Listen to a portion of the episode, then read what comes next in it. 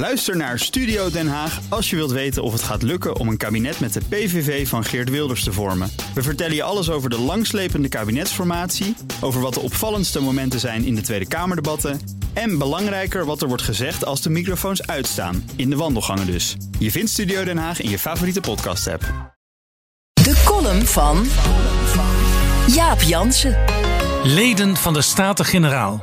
De lange duur van de kabinetsformatie wekt onder de huidige omstandigheden begrijpelijke bezorgdheid. Zo begon koningin Juliana in 1977 haar troonrede. Over de kabinetsformatie deze week geen woord bij Willem-Alexander. Hij sprak zijn door Mark Rutte geschreven troonrede hakkelend uit.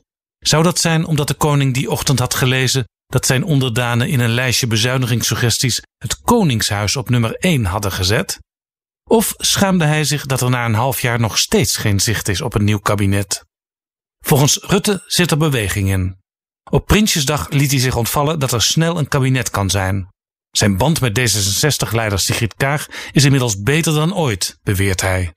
En tegen BNR-verslaggever Thomas van Groningen ik ken partijen van VVD tot en met GroenLinks als partijen die bereid zijn compromissen te sluiten en niet te stikken in het eigen gelijk. Als er snel een kabinet komt met elan, dan kan het vertrouwen in de politiek snel terugkeren. Al dus Rutte. Ook hij begint te merken dat de kijkers thuis, zoals ze dat tegenwoordig in de Tweede Kamer noemen, niet meer begrijpen dat er niets gebeurt. Op Prinsjesdag kondigde Rutte aan met grote flessen wijn en eten de relaties met de media te herstellen zodra er een nieuw kabinet is. Snelheid is geboden. Toch hield Rutte dinsdag in gesprek met krantenjournalisten, ondanks al zijn mooie woorden, nog vast aan het veto over een coalitie waaraan Partij van de Arbeid en GroenLinks samen deelnemen. Een boycott die na de verkiezingen werd ingezet door CDA-leider Wopke Hoekstra, die voor 17 maart de kiezers nog beloofde dat hij met Lilian Ploemen, Jesse Klaver en iedereen zijn moeder wel een kabinet wilde vormen. Inhoudelijk kan dat ook. Op de eerste dag van de algemene politieke beschouwingen boterde het goed tussen CDA-fractievoorzitter Pieter Heerma en zijn collega's van PvdA en GroenLinks. Werkelijk waar, een prachtige visie, zei Klaver over Heerma's verhaal.